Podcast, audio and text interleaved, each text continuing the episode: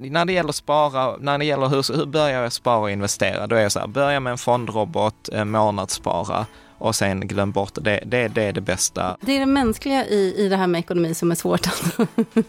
absolut, absolut. When your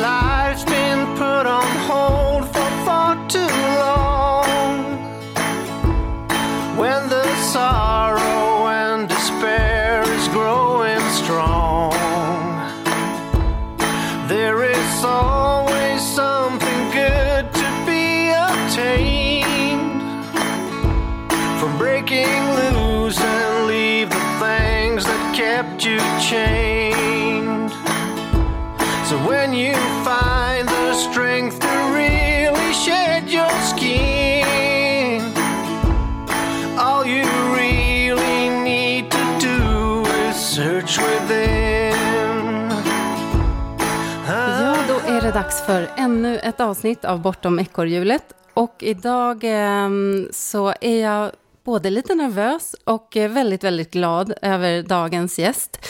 Jag är nämligen ganska novis på det här området, men jag ska försöka ställa hyfsat uh, smarta frågor. och sen så kanske det blir så att det kommer några korkade frågor också. Men uh, jag tänker att uh, vi kör på helt enkelt. Välkommen till Bortom ekorrhjulet, Jan Bolmesson från Rika Tillsammans. Tack så hemskt mycket. Tack för att jag får vara med. Ja, jättekul att du ville vara med, tycker jag. Jag har ju lyssnat på er podd, jag har varit inne och kikat en del på, på din blogg. Mm. Eh, och du har ju bloggat om kloka råd och konkreta tips kring privatekonomi och sparande och investeringar sedan 2007. Precis, precis. Det är nästan sen internet ja, började, precis, precis. Eh, jag, jag och min fru Caroline, vi, var, vi gör ju detta tillsammans nu med, vi var ute och käkade häromdagen och då insåg vi så här, gud vi har varit tillsammans i 17 år och varit på den här resan tillsammans länge. Eh, nu. Och, eh, och det var ju det som egentligen var roligt också, att liksom bloggen har väl liksom under många år varit svaret på en frustration. Eh, och svaret på den här frustrationen, okej, okay, vad är det som funkar egentligen? Att det finns så mycket myter och det finns så mycket dåliga råd och, och liksom så här, till exempel hela finansbranschen upptäckte vi efter ett tag var liksom så här att, nej men de är fantastiska på att ge råd som berikar dem själva, men jag som småsparare, vad ska jag göra? Och sen blev det ännu värre när jag upptäckte att liksom tittar man på forskning, ja då säger finansbranschen en sak och forskningen säger en helt annan. Och då blir jag så här, mm. men vänta, hur, hur, går detta, hur går detta ihop? Och det var ju den frustrationen där någonstans som, som vi började skriva, okej, okay, så vad är det som funkar för en vanlig småsparare? Och det känns ju som att vi har gjort varenda misstag i boken. Eh, alltså, som jag skrev på bloggen här, här veckan, liksom vår första miljon, alltså det var en miljon back. Det var inte ens en miljon plus. och då var det var så här, då kanske andra kan få undvika de misstagen eh, som, eh, som vi har gjort. Och sen har inte ja. vi svaret på allt såklart. Liksom, men... Det var ju fint att bli minusmiljonärer för, eh, för att andra ska få lite bättre råd tycker jag. Det var ja, ädelt. jag kan säga, jag kan säga så här, det var inte planen, utan jag, jag, jag, minns när jag och Caroline satt där liksom vid ett tillfälle, så bara, nu är vi en miljon back. Bara liksom, vad gör vi nu? Fortsätter vi den här resan eller bara konstaterar vi att det inte funkar? Och, och, då hade vi fantastiska människor runt om oss som liksom gav oss den här frågan som jag tycker är magisk, som är så här, så vad är det bästa, vad är det mest fantastiska med att det har skitit sig just nu? Och så för att liksom varje misslyckande har ju ett guldkorn, ibland är det här guldkornet gömt i en tunna med skit, så att man behöver gräva i den och det luktar illa och det gör ont och så här, men oftast eh, så brukar jag säga att de flesta ska nog hålla med om att utan de misslyckanden eller de tillfällen man har lyckats missa i livet så hade man inte varit där man är. Eh, och så, så är det allra högsta grad i ekonomi och har det varit för, för oss. Steve Jobs, eh, det är en från ett tal jag tror han höll till avgångselever, mm. när han pratar om connecting the dots. Mm. Och att man aldrig kan, göra, man kan aldrig mm. göra det i förväg, utan man kan bara göra det i efterhand. Ja, det, det, det, tror jag är superviktigt. Och det går emot så mycket annat som vi tror, för att vi tror ju alltid att vi ska ha en plan och så ska vi ha 13 steg och så ska vi lista ut allt i förväg. Och så brukar jag tänka så här, men du vet när vi kör bil, det är inte som att jag oroar mig för trafikljus nummer fem när jag sätter mig i bilen och startar den, utan Mm. då åker jag ju till första trafikljuset, hanterar det jag behöver hantera och sen kör jag till nästa. Jag, jag stannar inte så här, nej men jag kör inte iväg förrän alla fem trafikljusen är gröna. Och jag kommer ihåg att jag sa detta på en föreläsning vid ett tillfälle, så jag sa så här, för ni provpackar väl inte bilen innan ni åker på semester? Men då hade jag en äldre dam som räckte upp handen och bara, jo det gör jag visst. det, det, finns ju olika personligheter, det kan man ju säga. Men, men det var en väldigt bra liknelse tycker jag, det här med, med trafikljusen. Mm. För att det är också där, det är ju sällan, det går, det går ju inte att få facit i förväg. I förväg, nej, därför att det som händer längre fram är ju beroende också av vad du gör på vägen. Exakt. Och, och det, det, kan du aldrig förutse. Nej, exakt. Och, och, mm. det, och det är ju det som är liksom så att när vi pratar om ekonomisk frihet eller vägen nu bortom ekorrhjulet, att det liksom så här, man, man vet inte mer än bara nästa steg. Och, och jag tror att på en sån resa när man vill ut ur ekorrhjulet så är det så här att jag, jag brukar tänka på det som att det där målet målet är den där liksom solen i horisonten. Det är dit jag är på väg, det är den riktningen jag vill ha. Men hur jag kommer komma dit, ja det har jag ingen aning Jag vet inte vilken investering Nej. det är som kommer funka. Jag vet inte vilken människa jag kommer träffa längs vägen. Och återigen, detta är inget unikt för resan ut ur liksom ekorrhjulet, utan detta funkar till exempel om alla framtidsförutsägelser. Ingen kunde ju förutsäga hur det som 2020-talet ser ut, eh, liksom 1960, för då hade man behövt förutse internet för att förutse allt det som händer mm. idag bra och förutser du inte internet, missar du bara en sån liten grej som internet, ja då blir ju allt annat ja. fel därefter liksom. Ja, och, så, och, så är, och så är det ju liksom i, när det gäller ekonomisk frihet också, upplever jag. Det är bara att spänna fast sig och åka med helt enkelt och vara lite agil i sitt äh, Absolut, agil. Och, och, jag skulle säga både agil och modig och också se, tror jag till exempel när det handlar om mod, så tror jag till exempel så att mod är inte frånvaro av rädsla, utan att mod är att säga att något annat annat är viktigare. Eh, att se det liksom som att nej men det krävs mod att göra något som inte alla gör. Och, mm. och, och, det där är ju diskussioner som jag hamnar i liksom rätt ofta i på bloggen att nej men okej, vill du ha ett resultat som inte de flesta andra har, då behöver du göra något som de flesta andra inte gör. Och om du gör något som de flesta andra inte gör, då kommer du få motstånd, du kommer bli ifrågasatt, du kommer känna dig som idioten i rummet. Och mm. det är liksom det, men å andra sidan så är också belöningen något som 95 procent aldrig kommer få. Eh, Precis. Mm. Så, så, att jag tror att det handlar, det jag kan uppskatta så mycket som jag tror många missar på den här resan mot ekonomisk frihet, att det i alla fall för mig har handlat om minst lika mycket, om inte mer personlig utveckling. Att jag har behövt växa som människa som det har handlat om liksom det tekniska investerandet. Och jag ska på många sätt säga att det tekniska sparandet eller investerat eller hanteringen av pengarna, det är det enkla. Alltså, mm. det, utan det är alla de andra bitarna som att bli ifrågasatt, eh, som känslan för att vara med eller oron, så att tänk om inte detta funkar och vad ska andra tro då? Eller liksom att de, mm. det tvivlet har för mig varit mycket svårare än att hitta bra placeringar för mina pengar. Jag vet inte om du håller med mm. om, eh, om det? Jo, men det är, väl, det är väl så med mycket i livet. Så allting handlar ju om hur man relaterar ja. till det som händer, till sig själv och till andra. Ja. Eh, oavsett vad det gäller. Ja. Eh, en liknelse där var när jag var på fjällridnings, alltså på en ranch i fjällen och red.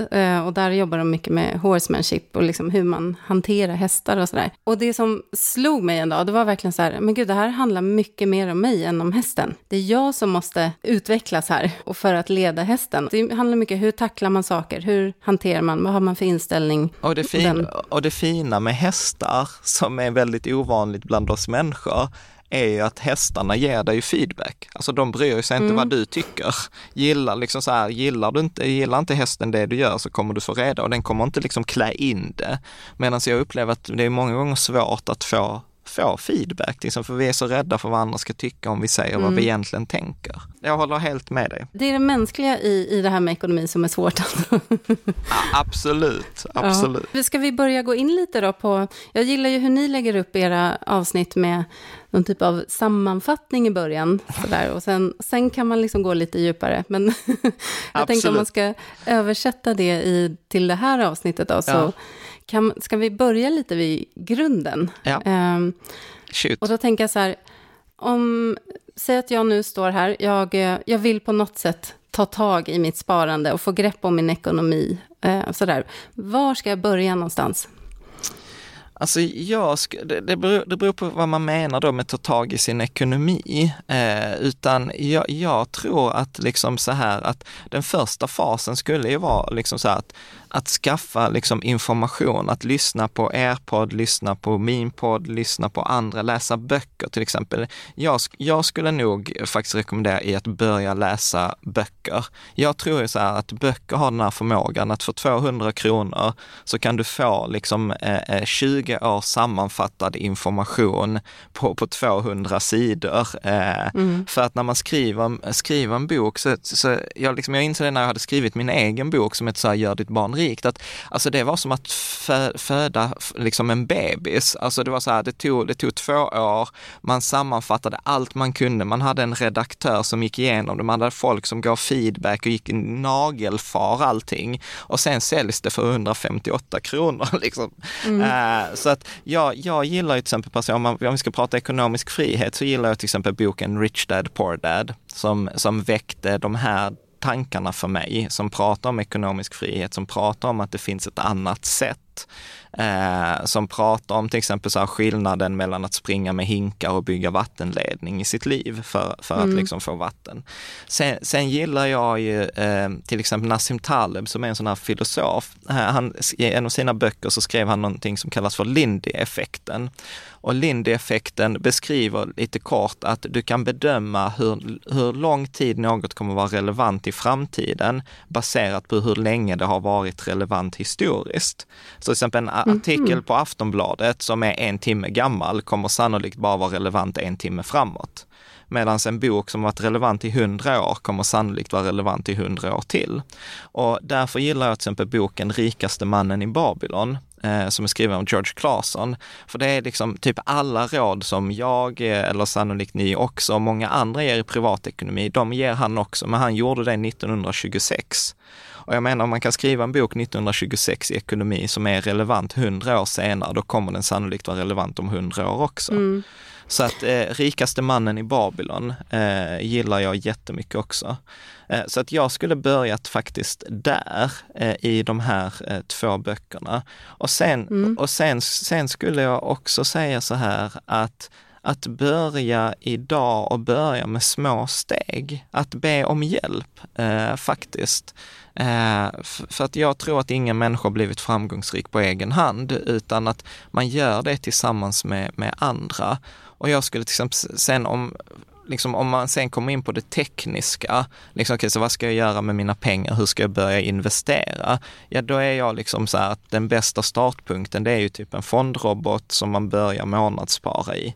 Sen behöver man liksom inte så mycket mer än, än det. Vi, vi liksom som har gjort detta i 20 år, det känns ju som att vi har gått hela cirkeln. Vi började med liksom ett automatiskt sparande typ i premie, så här, mm. om vi tar pension, Sjunde AP-fonden som är en sån här index, global indexfond med låga avgifter.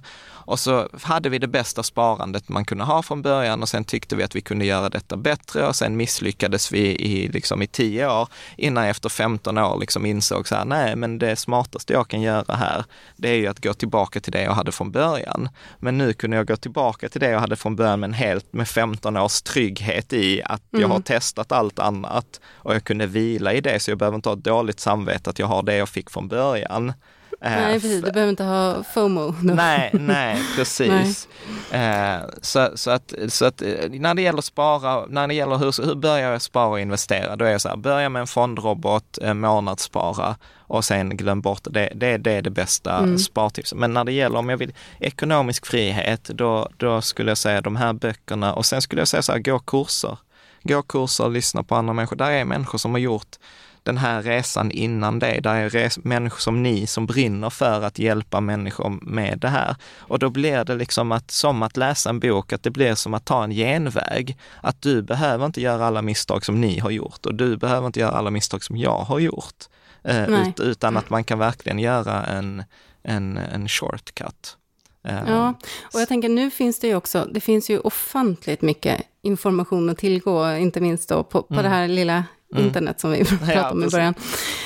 Um, Så att du och eh, andra, många andra som när man pratar om sparande investeringar pratar ju också om att ha en strategi. Eh, Alltså, liksom, Ja, jag, jag säger någonting mer. Vad tänker du med strategi? Ja, eller liksom att ska, om man liksom backar innan jag börjar är det viktigt att liksom dels eh, ha ett mål eh, och ha någon slags plan för sitt sparande, eller är det bara att, Nej, att alltså, börja där? Liksom? Ja, i- alltså så här, här, här, här skiljer jag ju mig från många andra. Jag, jag, jag har ju inte sparandet som en hobby. Alltså vilket, vilket många, jag upplever att många har. Och jag upplever också att det är där som det går åt skogen för väldigt många. Att man, eh, liksom för mig är sparandet ett sätt att ta mig från punkt A till punkt B.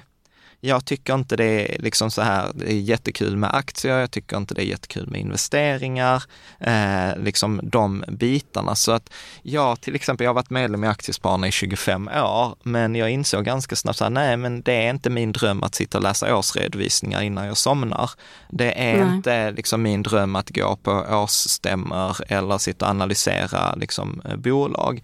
Sen, sen liksom insåg jag ju någonstans längs vägen, för jag trodde så här, men jag behöver lära mig detta, så jag lärde ju mig det. Eh, och sen insåg jag också längs vägen så här, nej men som när jag till exempel haft fondförvaltare i podden så säger de så här, du vet idag så är det, eh, liksom, så är det så många som gör det, här, så du kan inte göra en bättre analys än någon annan på kort sikt. Han säger, vi är professionella, vi kan inte göra en bättre analys än en annan professionell analytiker.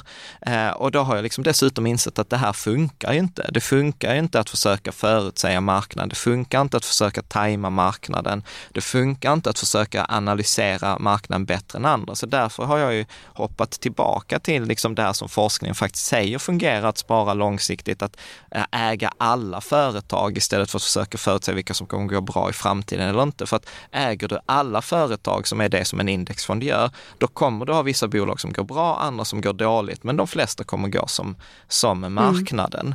Så att jag tror att det är också liksom innan man tar råd från någon, så titta på vilka resultat de har och försök liksom fråga sig så här, vad är det som är deras grej? För att du vet, jag har träffat liksom vuxna, eller vuxna, jag har träffat eh, människor som, som är investerare, till exempel som investerar i onoterade bolag och så, så har jag frågat dem så här, men varför investerar ni här? Och då blir alltid när man pratar om pengar så kommer svaret alltid vara tjäna pengar.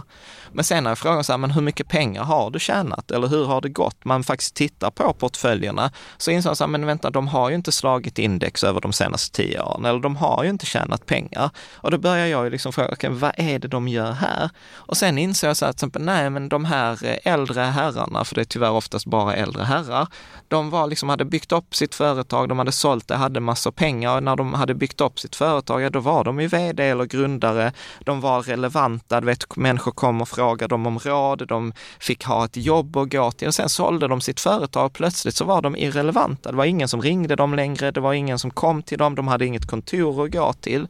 Så att eh, liksom de gick och investerade i de här små bolagen, för då fick de sitta i styrelsen och de fick liksom ha ett kontor de kunde dyka upp på och dela med sig av sina råd. Och, och plötsligt så var de signifikanta. Men det krävs ganska mycket personlig utveckling för att säga så här, nej men jag investerar i detta bolag inte för att tjäna pengar, men för att jag ska få känna eller uppfylla på mitt behov av signifikans. Är med? Mm. Det är inte så många Mm. som har den självinsikten och säger så här, men detta handlar om min signifikans eller att jag får vara någon. Eller att detta handlar till ett, som till exempel för mig, att ett beslut eh, för att min pappa dog när jag var 13 år gammal och därför liksom har jag växt upp med en händelse att livet kan ryckas undan från dig vid vilket tillfälle som helst och därför försöker jag liksom 30 år senare kompensera för en rädsla jag har sedan jag var 13 år gammal på att livet kan ryckas undan när som helst. Utan Mm. detta, detta har ju framkommit när jag har gått i terapi eller haft liksom eh, coacher. Så att jag blir ju liksom ganska nyfiken på många gånger när det är någon som uttalar sig om ekonomi, så här, vad är drivkraften där bakom? Och det finns ju Mm. andra, jag hade till exempel en annan bloggare, Angelica, som delade med sig liksom på, i, i ett av mina avsnitt, där det var också så här att eh, hon växte upp med pappa och mamma och så var det pappan som tjänade alla pengar och sen behövde då hon en ny vinteroverall. Eh, och eh, då frågade mamman så, ja men kan vi köpa en eh, vinteroverall till, eh, till Angelica? Och så hade pappan sagt nej. Och sen hade då Angelicas mamma tagit henne och gått ut ur huset och sen hade hon sagt så här, Angelica, nu ska du lyssna på mig. Och så Angelica började säga, ja men jag var typ åtta år gammal och så liksom här kommer livsvisdom av min mamma. Och så säger då mamma så här, förlita dig aldrig ekonomiskt på en man.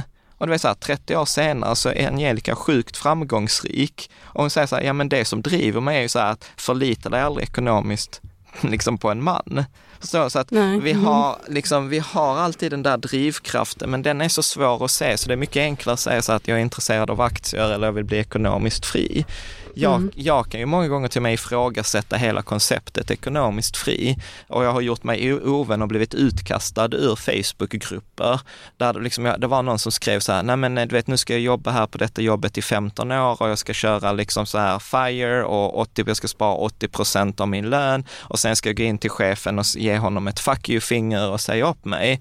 Eh, och så var min fråga liksom så här, jag kunde, det var kanske dumt, kunde inte låta bli så, så här, är det inte bara lättare att byta ett jobb? Liksom.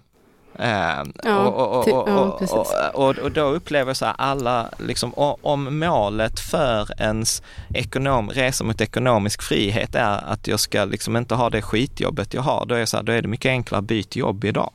Alltså så här, hitta ett jobb som du trivs med snarare än att ha något, med- liksom, jag, jag vänder mig lite mot det här målet som är så att jag ska göra massa saker idag för att jag sen ska.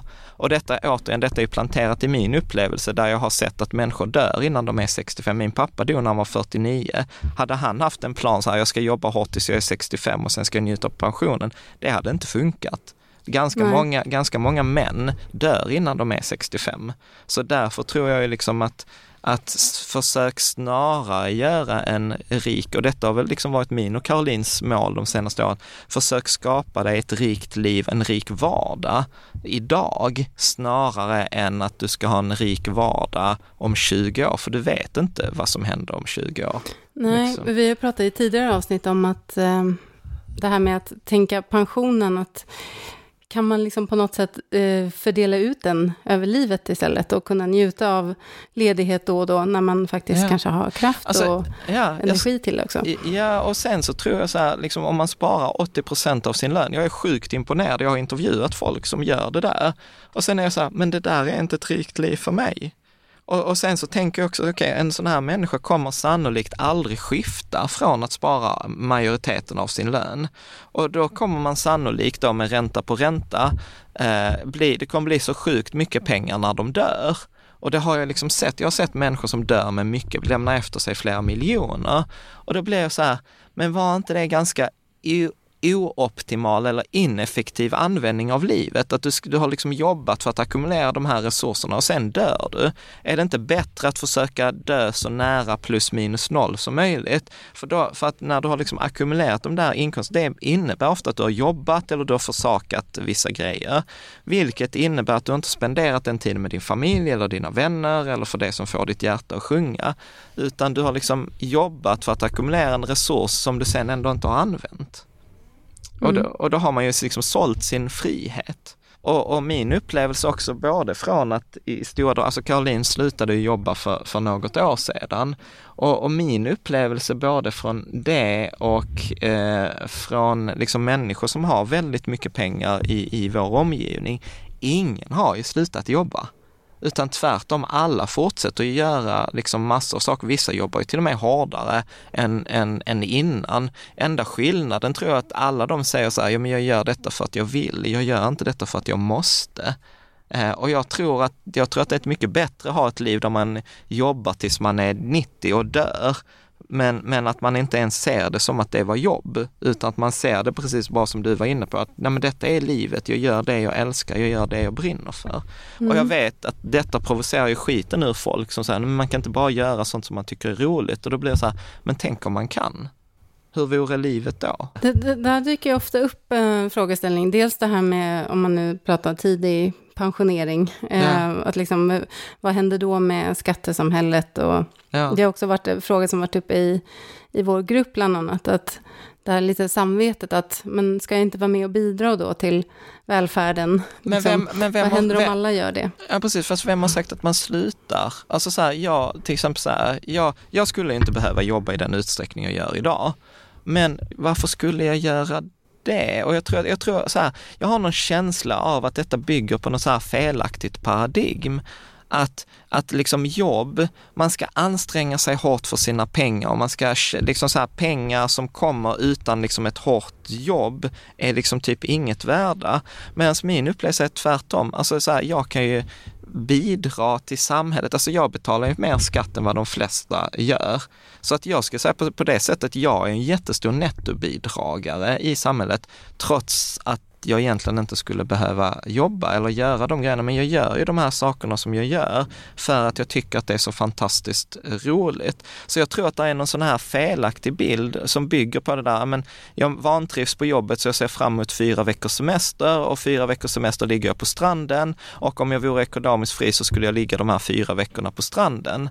Medan jag, Caroline, jag fattar att detta kan låta jäkligt, liksom så här, Jan, för det var en läsare som anklagade mig senast i förra veckan på att du har bristfällig kontakt med verkligheten. Men för mig är semester idag någonting som blir sämre eftersom liksom vi har jobbat på att göra vår vardag så bra som möjligt. Så vi har liksom, till exempel, vi har en fin säng som vi trivs på, så vilket innebär att varje gång jag åker iväg och ska sova någon annanstans så sover jag i en sämre säng än vad jag gör hemma. Eh, liksom så här, jag får på dagarna träffa spännande människor, jag får liksom göra en poddintervju tillsammans med er och få, bidra kring min vision som handlar om att hjälpa människor att få det livet som de önskar att få eller få, eh, få ett rikare liv eller få en bättre privatekonomi. Och, och, och liksom skulle jag inte få prata i podd eller få bidra till er liksom i, i, i en, två månader, sex månader, så här, jag skulle gå sönder. Jag skulle säga, gud, för, för jag brinner så mycket för att hjälpa andra människor. Så för mig att inte få jobba blir ju att jag inte får göra det jag tycker är roligt. Jag får inte göra det jag brinner för. Och så tror jag att det är för alla, du vet så att du gillar yoga och sen blir det så här, nu får du inte göra yoga i, i, i ett år. Alltså man hade ju blivit olycklig. Så jag tror snarare att det handlar om att det är så att vi lever i ett sånt paradigm, att så många människor är på fel ställe och, och vi är så rädda att göra någonting åt det. För tänk om jag byter jobb, då kommer jag aldrig få något nytt jobb. Och tänk om, och sen har vi media som målar upp liksom en bild av samhället av att det blir bara värre och värre. Och att, Eh, du vet, du måste, du måste safea och du vet, och corona och massa andra grejer. Så att därför tror jag, och är vi tillbaka på det där med den personliga utvecklingen igen, liksom att vad är det för ett liv jag skulle vilja ha och vad är det som jag, alltså att lyssna på den rösten man har inuti sig, men den dränks så mycket ut av media och Facebook och Instagram och hur det borde vara. Gud, det, Mm. var, det var ett långt rant här, det var inte Ja, men meningen. jag, jag kan hålla med om det, att, ehm, att han, när man får liksom fritt utrymme att vad ska man säga, jobba eller eh, agera lust, lustdrivet, Ja, så brukar det ju leda till någon typ av kreativ output som också gynnar andra. ja. Och, Om man nu inte bara är superintresserad av att ligga på soffan eller i en hängmatta. Men jag fast, tror jag, att liksom, jag tror, fast vet du vad, jag tror att ingen gör det. Alltså, du vet så här, man är på, ligger på den där stranden, dricker paraplydrinkar. Jag upplever så att du vet, efter, efter några veckor så börjar man ju längta hem. Alltså jag tror att vi Mm. människor har en inneboende drivkraft av att vi vill bli använda, vi vill komma till nytta, vi vill vara ett bidrag i andra människors liv, vi vill vara ett bidrag i världen. Så jag, jag, jag, ja Mm. precis, ha en mening i livet. Så jag köper inte riktigt den där ansatsen att vi, att liksom vi, om alla var ekonomiskt fria, då skulle inget bli gjort i samhället. Alltså, jag har kompisar som är läkare, alltså de hade fortsatt vara läkare. Jag har kompisar som jobbar med barn. Min mamma är lärare. Och du vet, så här, min mamma hade kunnat gå i pension för tre år sedan. Hon fortsätter jobba som lärare. Den enda skillnaden är att hon har sagt till sin rektor så här, jag vill inte sitta på möten utan jag vill vara med barnen. Så, så att jag, jag tror att genuint ofta när de tankarna dyker upp att man måste jobba eller de där, så är det snarare att jag hade varit nyfiken så här, var kommer den tanken ifrån? Och, och sen min sista observation i detta är att när man får göra det man verkligen brinner för, så upplever jag att man tjänar så mycket mer pengar på det. För att du vet, man gör det så mycket för att man är så här, shit, detta hade jag gjort även om jag inte fick betalt. Och nu får jag dessutom betalt för det. Alltså, du vet, pengarna blir sekundära och när pengarna blir sekundära, jag, ja, jag, mm. tror, jag tror mycket på att eh, fler borde göra det de brinner för och, förlåt, en sista grej nu när vi ändå pratar om rad. Jag tror inte det skiftet går över natt. Jag tror inte liksom så här, nej men du vet nu jobbar jag på det här jobbet, jag står vid ett löpande band eh, eh, och, och, gör det här. Så du vet, nu har jag lyssnat på eh, liksom er podd och eh, nu imorgon säger jag upp mig och ska bara göra det jag tycker är kul. Nej, så funkar det ju inte i livet, utan, utan det där kommer ju vara en transportsträcka där man kommer behöva skruva ner på det ena för att man ska kunna skruva upp på det andra. Så, så har det ju liksom alltså vi bloggade i åtta år utan att tjäna en krona på det. Idag kan vi försörja oss på det. Så att det hade inte så här, och nu slutar jag, nu ska jag börja en blogg och nu ska jag tjäna pengar. Nej, sorry, it doesn't work that way. Liksom. Nej, och då kommer man ju tillbaka lite till det här med att, eh, eller när vi pratar om strategi eller plan eller mm. mål, men att uh, något vi ofta landar i i poddavsnitt är ju reflektionen kring vad vill jag, vad kan jag göra idag som tar mig ditåt och ha den där, kanske ett långsiktigt mål eller en vision eller en, en riktning. Absolut. Men uh, att, att ta små steg idag.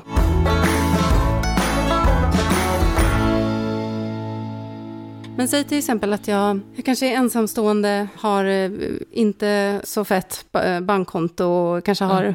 två, tre barn. Liksom, var, var, skulle du säga, var kan jag börja idag då för att uppnå liksom en större ekonomisk trygghet eller frihet och, och kanske kunna ta mig emot att göra mer av det jag vill? Alltså, ja, ja, ja, jag, jag, jag, skulle, jag skulle börja som, som jag var inne på de här två böckerna, Rikaste mannen i Babylon och Rich Dad Poor Dad. För jag, jag, tror att det börjar i huvudet. Det som börjar med en idé, det som börjar med en tanke, det omsätter vi sen i verkligheten och när vi omsätter det genom aktion i verkligheten, då skapar vi nya resultat.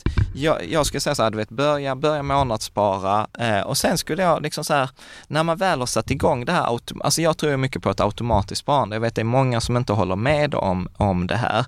Så att jag menar att sätta, sätta av och spara kanske 10% av sin lön. Kan man inte spara 10% av sin lön, nej men spara 5% Kan du inte spara 5% spara 1 Börja någonstans. Det viktigaste är att börja eh, och sen ta det därifrån.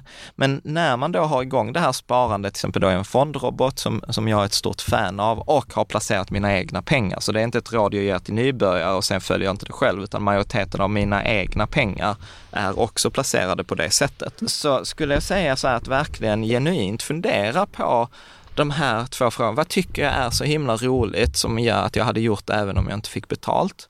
Och sen nästa fråga som jag skulle funderat på det, så hur kan jag tjäna pengar på det? Och sen så tror jag också att eh, en fråga man kan lägga till där, där jag tror att de flesta går fel, är att det blir sånt fokus på pengarna. Och jag tror ju att pengar är bara ett resultat av någonting som man gör eller man inte gör. Så att genom, alltså att, att, att bara fokusera på pengar, det är som för mig att spela hockey och bara stå och titta på målburen, liksom så här, eh, liksom, eller på mållinjen. Eh, och, då, och, och, liksom, och fokusera på när pucken åker över mållinjen. Men det är inte där målet sker. Målet sker ju liksom i hela upptakten innan dess.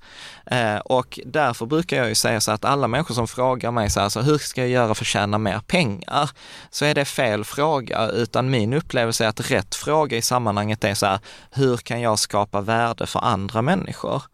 Och för att om du kan skapa värde för andra människor eh, så kommer du kunna ta betalt för det. Eh, och detta bygger på en livslång princip som heter hjälp andra människor få det som de behöver så kommer de hjälpa dig att få det du behöver. Liksom. Ja, och sen om det då kan sammanfalla med det här som jag själv tycker om att göra. Alltså yeah. att, att, det är det som skapar värde för andra. Ja, ja precis. Mm. Uh, och, och, jag tror att liksom idag lever vi i sånt samhälle att du kan verkligen hitta vad som helst. Alltså titta på alla på nätet som spelar dataspel. Så då är man så här, vad är det för värde för andra? Jo, det är ju ett jättestort värde. Kolla bara hur många som kollar på när andra spelar dataspel. Eller liksom så här, fotboll mm. är ju liksom motsvarigheten i verkligheten. Den hade också varit svår att förutsäga 1920. ja, ja ab absolut, absolut. Eh, och, och, samtidigt så upplever jag så här många gånger att vi lever i ett sånt gammalt paradigm. Jag såg någonstans, eh, nu vet jag inte om jag såg det på nätet eller om det var en kompis som berättade för mig att liksom hans, eh, han hade gått in till sin son som spelade mycket datorspel och, och, och, så tittade han och så sa han så här, men titta du spelar ju inte ens datorspel, du sitter och kollar på någon som spelar datorspel. Du kan ju åtminstone spela datorspel själv. Det måste ju vara roligare än att kolla på någon annan. Och sen liksom några timmar senare på lördag eftermiddag så gick sonen ut till pappan som satt och tittade på fotboll på tv och sa så här, men du kan väl åtminstone gå ut på fotbollsbanan och spela, varför sitter du och kollar på andra som spelar fotboll? Så att egentligen att titta när andra spelar datorspel är egentligen inget annat än när vi liksom satt på Colosseum och tittade på gladiatorer som slogs mot djur. Så att vi, vi är inte så himla annorlunda idag mot vad vi var förr. Eh, liksom. Så att jag tror, jag tror att det snarare handlar om modet. Så att, eh, så att jag skulle liksom säga till den här, då till exempel småbarnsmamman med de här tre barnen, att liksom så här, skulle jag ge henne en grej så skulle det inte vara pengar eller något, utan jag ska ge henne mod mod att liksom så våga göra något annorlunda och att våga modet att våga misslyckas, modet att våga gå sin egen väg, modet att inte acceptera att, att liksom livslotten är, nu är jag ensamstående med tre barn och det, jag är fakt, liksom. Eh, vilket det, liksom, tyvärr för, för många i den situationen har väldigt svårt. Eh, liksom att se bortom den platsen man har blivit given. Men börja med, med små steg och, och fundera och var, och var över modig, var liksom. man vill någonstans. Ja, ja mm. absolut. Så att, uh, så att förlåt, så att, så att jag tror alltså att, jag tror att många gör misstaget, man tror att, det, att komma ut ur ekorrhjulet handlar om pengar.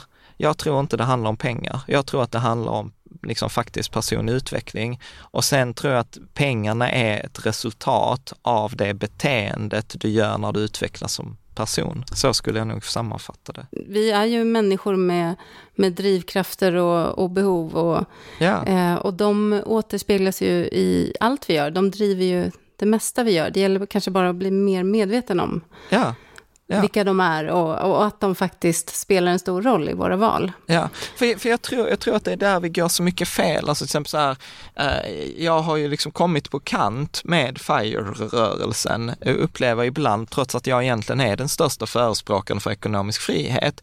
Men jag till exempel upplever att FIRE-rörelsen kidnappades av de här människor som ska spara 80 procent av sin lön. Men alltså så här, för mig, så här, ja nu kommer jag väl provocera folk, jag, jag ber om ursäkt i förväg, men jag upplever så här, om tricket att bli ekonomiskt fri är att jag ska spara 80 procent av min lön, då ska jag säga så här, tänk om det är så här att du har trillat i diket som handlar om brist om att det inte finns tillräckligt med resurser, finns inte tillräckligt mycket, vilket innebär att jag måste spara. Och jag måste spara och jag måste dra ner. Medan jag tänker, liksom, jag har varit i det diket, men jag har blivit liksom hämtad av massa människor som var ekonomiskt fria, som sa så här, men Jan, alltså om du ska spara dig till ekonomisk frihet, du kan bara spara max 100 procent av dina utgifter. Men om du istället väljer att fokusera på hur du kan tjäna pengar, då finns det ingen begränsning av hur mycket pengar du kan tjäna. Och dessutom så, liksom det är svårt att använda ränta på ränta på att spara på utgifter, men det är väldigt enkelt att använda ränta på ränta på att tjäna pengar och investera mm. pengar. Så att det är mycket viktigare att lägga fokus på att investera och tjäna pengar än att lägga fokus på att bli duktig på att ta med sig matlåda till jobbet. Mm. Fundera mm. Men då är det väl ofta den här mixen av att alltså, du drar ner på utgifter för att placera de pengarna någonstans? Alltså där finns det ju någon slags... Ja, fast precis. Och, och, det där är ju ett vanligt klassiskt råd och jag kan absolut hålla med om det. Men jag, då, då, tänker jag så här, jag gillar ju snarare rådet så här, spendera extravagant på det som gör ditt liv rikt och vara brutalt snål i de områdena som inte ger dig någon energi tillbaka. Gillar du skor, fyll lägenheten med skor, men gillar du inte heminredningar, men skit i en soffa. Liksom. Alltså jag, jag, jag drar ju mycket mer åt, åt extremerna idag för att liksom illustrera den här poängen. Och sen, och, och, vad vi egentligen, där vi egentligen kan mötas i båda de som har de här två åsikterna, det är ju att det handlar om en medveten konsumtion. Mm. Eh, att, att konsumera medvetet. Men jag upplever ju att, att många FIRE-människor drar ju ner även på sådant som hade gett dem energi. Så här, nej men eh, dra ner så här klassiska rådet som jag hatar, som är så här, drick en kopp kaffe mindre om dagen, eh, så blir det 30 kronor om dagen och 9000 kronor om året och sätter du det ränta på ränta och så blir det x antal kronor över en 25-årsperiod. True, men tänk om jag gillar kaffe. Liksom. Mm då, då blir ju det där att jag inte unnar mig den där koppen kaffe, gör ju inte mitt liv rikt. Dör jag dessutom innan jag använt de där pengarna, ja då har jag gått i 15 år och inte njutit av kaffe som kanske var en sån grej som gjorde mitt liv rikt. Jag kan ha vissa sådana saker som till exempel eh, så här snittblommor dumt eh, liksom utifrån, de vissnar efter en vecka, kostar liksom några hundra spänn. Men du vet, varje gång jag ser dem så blir jag glad. Och då, då, mm. då, tycker jag så här, nej men då ska vi ha, så vi har exempel som, som då, jag brukar inte heller prata så mycket om mål utan om standard. Så till exempel vi har en standard i vårt liv som är så här, varje fredag köper vi snittblommor. Där kan det ju finnas en, eh, en avvägning då, att om vi pratar snittblommor nu då. Ja. Så. Jag vill säga att eh, om du sparar in på snittblommor idag för att du har någonting mycket större som väntar. Den effekten kanske påverkar det där. Att är det värt, för jag hörde i något av era poddavsnitt när ni pratade om om du köper en iPhone idag för 10 000 ja. så är det liksom 50 000 bort om ja. x antal år. Ja, är det värt det? Liksom, att det? Att det är den avvägningen man gör? Precis, och det, det var ju Arne Talving som, som hjälpte Kavastu, som är jätteduktig investerare. Men du vet, man kan dra det till sin extrem också. Jag vet ju att Kavastu har jättemycket pengar. Så men om jag nu har alla de här pengarna, ska jag inte unna mig den där sportbilen om jag nu brinner för en sportbil? Men då hamnar vi tillbaka i det där eh, Eh, liksom situationen. Vad är det som är vikt, genuint viktigt för mig? Och jag tror att det är där som många går fel, att man genuint inte vet vad som är viktigt. Som till exempel för mig i många avsnitt så det, det är ett skämt nu Det är ju min Tesla. Liksom så här att eh, liksom, en person som jag, jag är 40 år, jag bor mitt i stan, jag är intresserad av klimatet, jag är intresserad så här, jag borde ha en Tesla. Alla mina kompisar har en Tesla. Eh, och, och sen så blir jag så här, men genuint, varför vill jag ha en Tesla? Och sen insåg jag vid ett tillfälle att det är för att en av mina kompisar har en två miljoners Tesla och han bodde hemma hos oss i ett par dagar. Så hade han Teslan på uppfarten och den är skitsnygg, alltså verkligen. Och du vet, och så hade vi ett mingel och så var det massa människor som kom och sa så här, vilken snygg bil du har. Och, du vet, och jag sa inte ens att den inte var min, för att jag gillade den här komplimangen, jag gillade den här känslan av att ha den här bilen på uppfarten. Liksom. Mm. Men autentiskt så var jag så här, när, när, när jag tittar efter så här, så nej, vad är det jag vill åt? Nej, men jag vill åt den här känslan av att få till exempel uppskattning. Okej, okay, behöver jag köpa en bil för en, två miljoner för att få den här känslan av uppskattning? Nej, den kan jag skaffa mig på andra sätt. Förstår du? Så att i många gånger så tror jag att, den, liksom att vi sätter fejkmål för att, vi, för att det förväntas en person som jag borde, en person som jag borde spela golf eller en person som jag borde åka en skidresa. Eller, och så ställer vi oss aldrig liksom frågan, är detta något som genuint jag vill? Det, där kommer vi till det här med normer och mer eller mindre verkliga påtryckningar som man upplever från ja. omgivningen. Och, ja. eh, vilket är liksom egentligen det podden handlar om, att, ja, att våga och tänk, tänka sig fri från normerna. Ja, men, och, och, fokusera på sig själv. Exakt. Och tänk, och det som vi många gånger missat, även i till exempel FIRE-communityn eller ekonomiskt, så finns det ju normer. Du vet, och det är ju därför som till exempel så här, jag funkar så dåligt i den communityn, för jag bryter emot många av de här normerna. Jag kan ju gå och köpa en dyr jäkla grej och folk är så här, hur kan du köpa en matberedare för 7000 spänn? Nej, men för att jag vet att den kommer göra vårt liv rikare. Eller jag kan säga så här, nej men du vet, vi åker inte på semester. Tänk om det är bättre att ha ett liv som du inte behöver ta semester från än att spendera liksom 48 veckor i misär och sen ha fyra veckors semester. Där, där finns ju liksom att säga att ja, men jag, har, jag har typ en skitdålig sparkvot, men jag jobbar mot ekonomisk frihet. Det bryter ju mot normen i FIRE-communityn där sparkvoten är liksom det, det heliga nyckeltalet. Normer och förväntningar finns överallt och detta kan man, och detta är varken bra eller dåligt, det är bara som det är. Så vill man till exempel spara pengar, det finns ju inget som är bättre än att umgås med människor i FIRE-communityn som är duktiga på att spara. Alltså för att då kommer du bli duktig på att spara, mm. men då har du omedvetet bara ersatt andra normer eller värderingar med nya. Du har fortfarande inte lyssnat på dig själv. Där ligger nyckeln alltså. Ja. Eh, och sen kan man ju ibland ha sämre eller bättre självförtroende när det gäller att göra just det. Absolut. Och, Ehm. och, och, och jag, så här, jag är, jag är 40 och jag liksom så här, och jag, jag, jag brukar ju ha också som en sån här mål, är att varje år så ska man skämmas för det man gjorde för ett år sedan, annars har man inte utvecklats tillräckligt. Och jag liksom inser ju det där hela tiden att man tror ju att man känner sig själv, men även nu liksom, när jag tyckte det när jag var 30, jag inser att jag fortfarande inte känner mig själv när jag är 40 och jag gissar att det kommer vara så när jag är 80 också.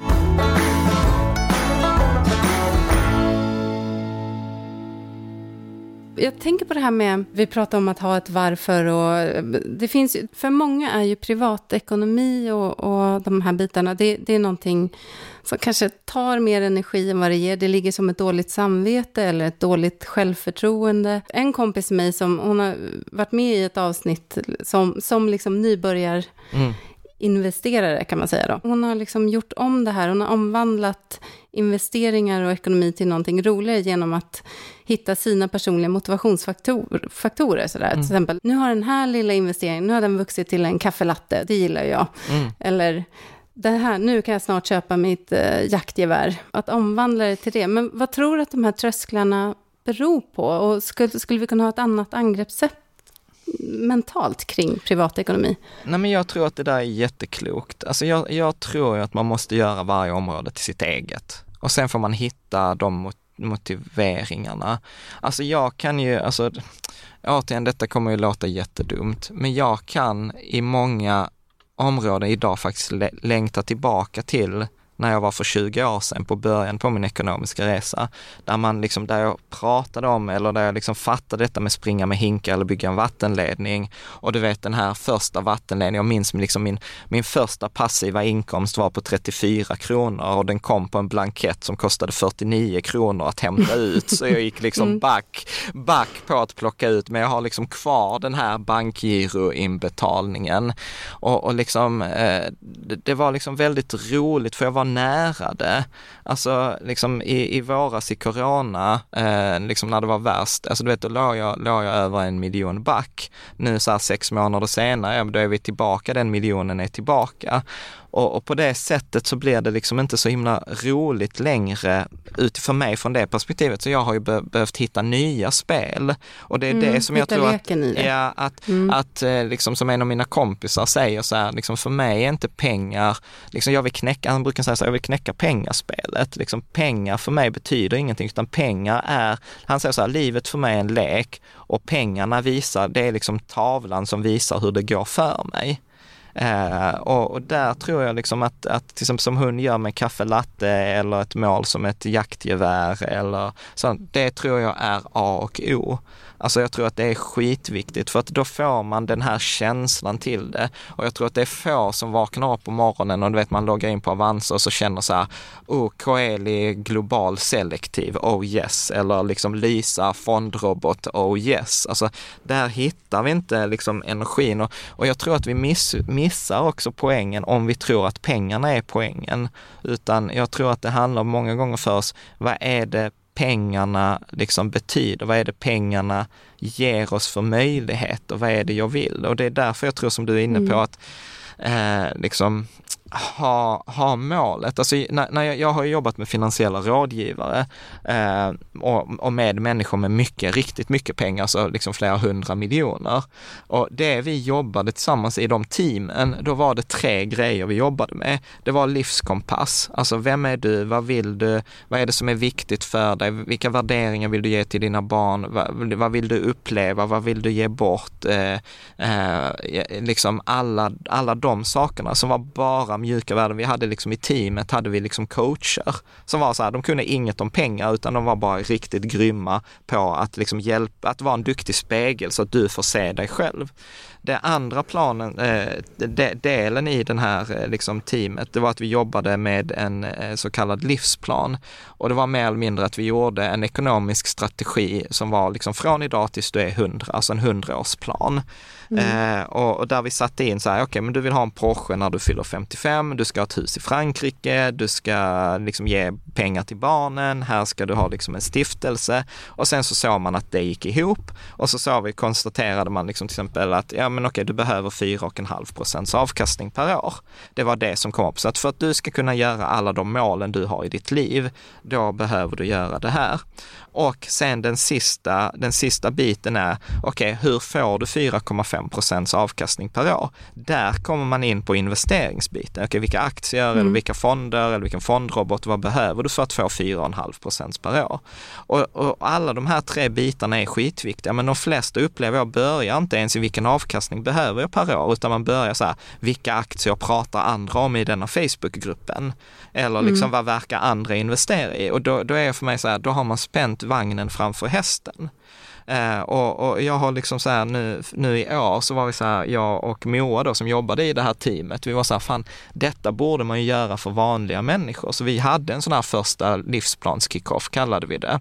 Och det var så himla fantastiskt för då hade vi vanliga människor, liksom inte så här hundratals miljoner eh, miljonärer. Utan då var det som en kvinna som hade, hon var så här, nej men jag vill kunna åka till Galapagos när jag fyller 65. Och hon var så här, nej men jag, jag vet, jag tror att jag har en bra ekonomi, men liksom känslan, är, vi har, vår känsla är sällan samma som det rationella i, i, i, liksom själva ekonomin. Så mm. då, i den här Excel-filen, då la vi in den här Galapagosresan och då sa hon så här, gud jag kan åka till Galapagos när jag är 65 och hon blev jätteglad. Men grejen var att jag gjorde en miss när jag la in den Galapagosresan i hennes Excel-fil. Så jag la in den eh, Galapagosresan varje år från hon var 65 tills hon var 100. Och då såg vi att att den funkade i alla fall. Och du vet, och hennes bara liksom så här, gud, alltså jag har, jag är ju jätterik. Alltså jag kan ju åka till Galapagos varje år tills jag dör. Och det var liksom, du vet, man såg hur plötsligt liksom så här, ekonomin och upplevelsen av ekonomin för första gången förenades. För innan mm. hade hon en syn på sin ekonomi och sen hade hon ett syn på sitt eget liv och de två gick matchade inte och vi använder väldigt ofta vår ekonomi som en ursäkt för att inte göra de andra sakerna. Nej, men jag kan inte göra det för jag har inte råd eller jag kan inte göra det. Ja, och det tricket är, och detta gör vi även om vi har råd. Liksom. Eh, så att jag tror ju att man behöver synka, liksom att försöka få ihop det här, liksom bilden av sig själv, bilden på sin ekonomi och sin ekonomi. Och så mm. länge man inte har fått ihop de här tre till en enhet, då, då hamnar vi i sådana här konstiga ekonomiska beslut när jag frågar folk så här, vad är målet med, din, med, med ditt sparande? Få så hög avkastning som möjligt. Och när så fort någon säger så här, mitt mål med mitt sparande är för att få så hög avkastning som möjligt, så vet jag att den här människan har ingen plan. För om de hade haft en plan så hade de sagt så här, jag behöver 4,5 procent över den kommande tioårsperioden. Eller jag behöver den här summan för att kunna göra det jag vill. Och min upplevelse är när man har då målet i brist på annat, jag ska ha så hög avkastning som möjligt, det är då det går åt helvete. Liksom. För det är då man tar större risk än man behöver. Det är då man följer Fingerprint eller Tesla eller Bitcoin och man blir liksom rundad av människor mm. liksom som har varit i spelet länge. Jag tror att det är jätteviktigt att ha den här planen, men jag skulle säga att det behövs inte eh, för att komma igång. Alltså du behöver inte vänta på att ha den för att starta bilen och köra till första första trafikljuset. Utan Nej. detta är någonting du behöver göra, liksom inse och sen kanske ta hjälp med över tid eller bygga ihop det själv. Men det börjar med insikten om att det inte handlar om att bara hur investerar jag mina pengar. Liksom. Och rent praktiskt då, säg, eh, säg, att vi har det här målet då, jag vill mm. åka till Galapagos, jag kan mm. skriva upp mig på det, det ja, ja. jag har alltid velat dit. Hur gör man då för att räkna på det här? Vilka, vilka modeller finns tillgängliga? Om liksom jag ska sätta mig nu. Ja men då, då alltså så här, i, sin, e- i sin enklaste form så, så handlar det ju egentligen om eh, då eh, Alltså så här, hur mycket pengar har jag idag? Hur mycket kan jag månadsspara? Vilken avkastning kan jag ha? Och när i tiden kan Galapagos inträffa? Alltså det är ju bara de fyra faktorerna. Mm. Och, sen, mm. och sen är ju det, alltså något förenklat, det är ju bara ränta på ränta. Okej, okay, vill du åka tidigare, ja då behöver du spara mer eh, eller ha ett större startbelopp eller ha en högre avkastning. Kan du tänka dig göra det när du är 65? Ja, då kanske du inte behöver lika mycket pengar nu. Du kan ha ett lägre liksom, startbelopp, ett lägre månadssparande och lägre avkastning.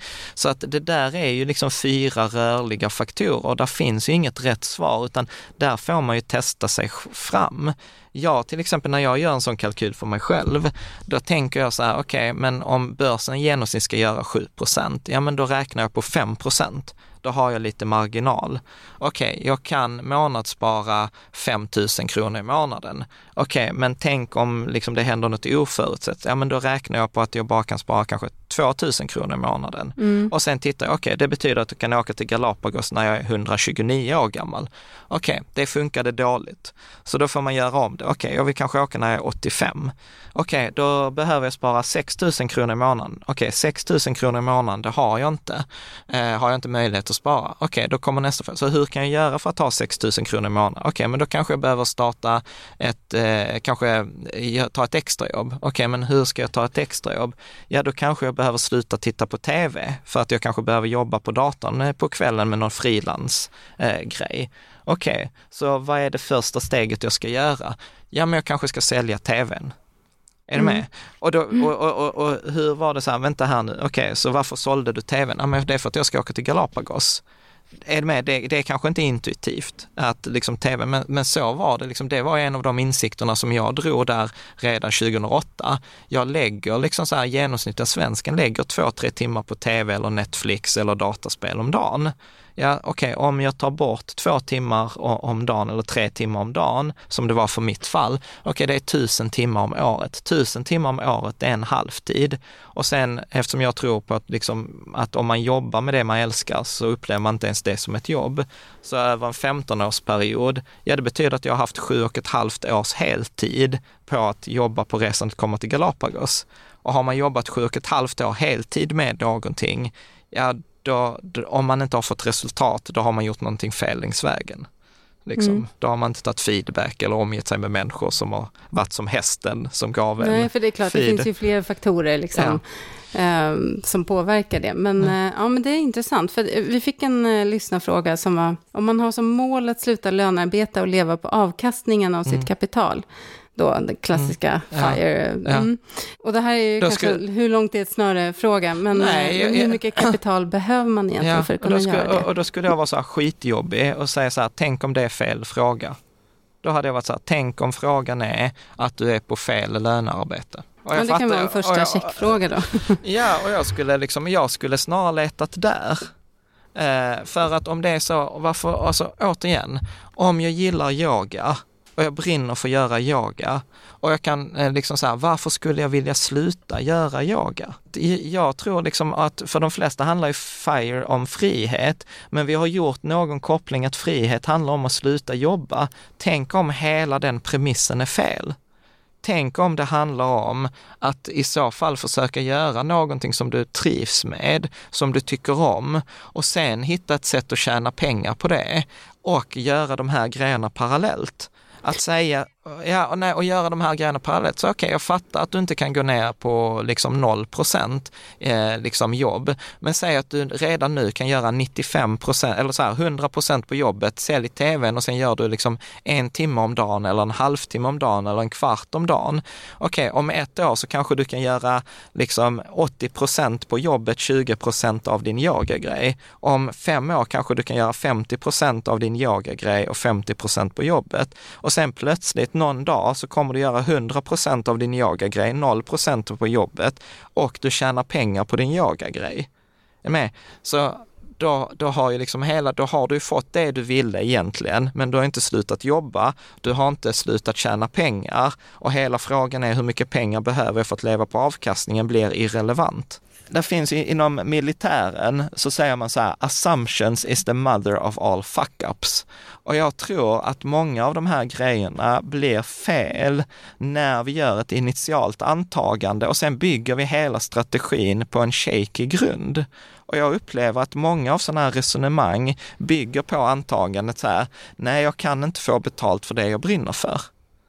Och om jag inte kan få betalt för det jag brinner för, nej då får jag göra någon jävla skit här i massa år för att tjäna ihop de pengarna jag behöver tjäna pengar för att jag sen kan skippa och liksom checka ut och göra det. Och problemet är också så här, jag har en kompis som är ännu mer kontroversiell som säger så här, alla som har målet att jag ska tjäna så mycket pengar som möjligt så att jag inte behöver tänka på pengar. Det är som att säga så här, jag vill ha så många vänner som möjligt. Jag vill ha så många vänner så att jag inte behöver tänka på mina vänner. Eh, och det fattar vi ju intuitivt, att ha så många vänner så jag inte behöver bry mig om mina vänner är ju ingen framgångsrik strategi. Och ska jag dessutom liksom fokusera på jobbet, att liksom, eh, jag ska, jag ska eh, tjäna så mycket pengar som möjligt så att jag inte behöver gå till jobbet, då kommer jag automatiskt dra ner och dra ner och dra ner. Ju närmare mitt mål jag kommer, desto mer kommer jag dra ner. Och drar jag ner det så betyder det liksom implicit att jag aldrig kommer nå det där målet. För så fort jag börjar närma mig, så om jag inte, var, om jag inte trivs på mitt mitt jobb nu och jag är där 100 procent. Så när jag är där bara 50 procent så kommer jag tycka så här, men nu är det ändå okej. Okay. Och sen kommer jag liksom, för jag har ju 50 procent okay, och då kommer jag inte hitta den motivationen som krävs för att göra det där sista jobbet för att ta mig över ribban. Så jag tror liksom att den motivationen, att jag ska bli ekonomiskt fri för att jag ska sluta jobba. Jag är så här, jag, har, jag, jag ska vara helt ärlig, jag har aldrig träffat någon som har lyckats bli ekonomiskt fri som har haft den som drivkraft. Däremot har jag träffat väldigt många människor som är ekonomiskt fria, som har brunnit för det de har gjort att de har startat ett företag de har brunnit för eller de har investerat på saker de brinner för, men de har fortsatt göra det även när de har nått sitt mål. Så att jag tror att ska du lyckas med ett sådant mål, så, och, det, och detta är också, förlåt nu blir det ett sidospår här, varför jag inte gillar mål. Jag tycker mål, det är så fort någon börjar prata om mål så blir jag så här, jag vill, jag vill kräkas lite. Jag tror snarare på att man ska prata om standarder. Vad vill jag ha för en standard? Vad vill jag ha för en nivå i livet? Livsprinciper, typ? Ja, Eller, nej, inte principer. För en princip för mig är är så att till exempel jobba hårdast i rummet eller människor gör så gott de kan och fattar så fort de hinner eller eh, liksom gör mm. allvar till lek och gör leken till allvar. Det är mer princip. Mer för men, konkret. Mm. Ja, men utan en standard för mig är till exempel, eh, vi har alltid en flaska champagne i kylen liksom, vi har snittblommor varje vecka. Eh, jag tränar tre gånger i veckan. Eh, jag, har, eh, jag har en bil som fungerar, men det behöver liksom inte vara en sportbil som fungerar. Jag till exempel har som standard, jag, har alltid, jag jobbar mycket med min dator eller med min telefon, så jag har alltid den senaste telefonen. Alltså så, det är saker som det inte finns något slut på utan det är liksom det, sen kan jag behöva jobba till, liksom, för att kunna nå en standard, eh, att ha det som mål. Men jag har som mål att vi vill ha snittblommor varje fredag. Så det kan mm. jag ha, men ett mål som liksom är färdigt, så här, eh, i, till exempel ekonomiskt, jag ska ha så mycket pengar så jag kan sluta jobba. Sorry, don't, jag tror inte det funkar.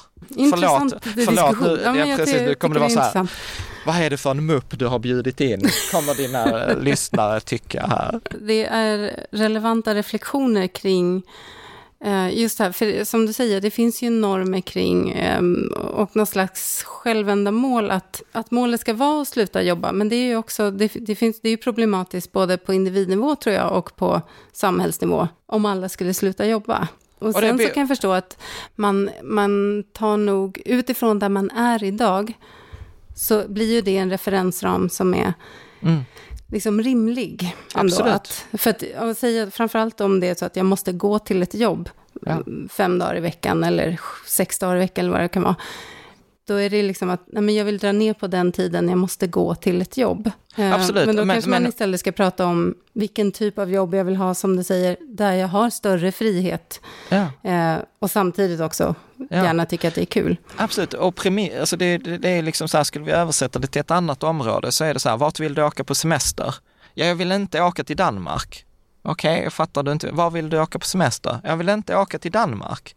Ja, jag har fattat att du inte vill åka till Danmark. Så var vill du åka på semester? Ja, inte till Danmark. Alltså att, att ha liksom ett semestermål som heter inte till Danmark är ju inget fantastiskt semestermål. Vad vill du ha liksom för mål i livet? Jag vill inte jobba, ja, jag fattar det, men vad, vad, vill du göra i livet? Ja, men jag vill inte jobba. Mm, ja, jag fattar det. Liksom. Mm. Men det är där vi, där, där vi fastnar. Det är en, ett tankeskifte, liksom. ja, ja. perspektivändring. Så vad vill du istället?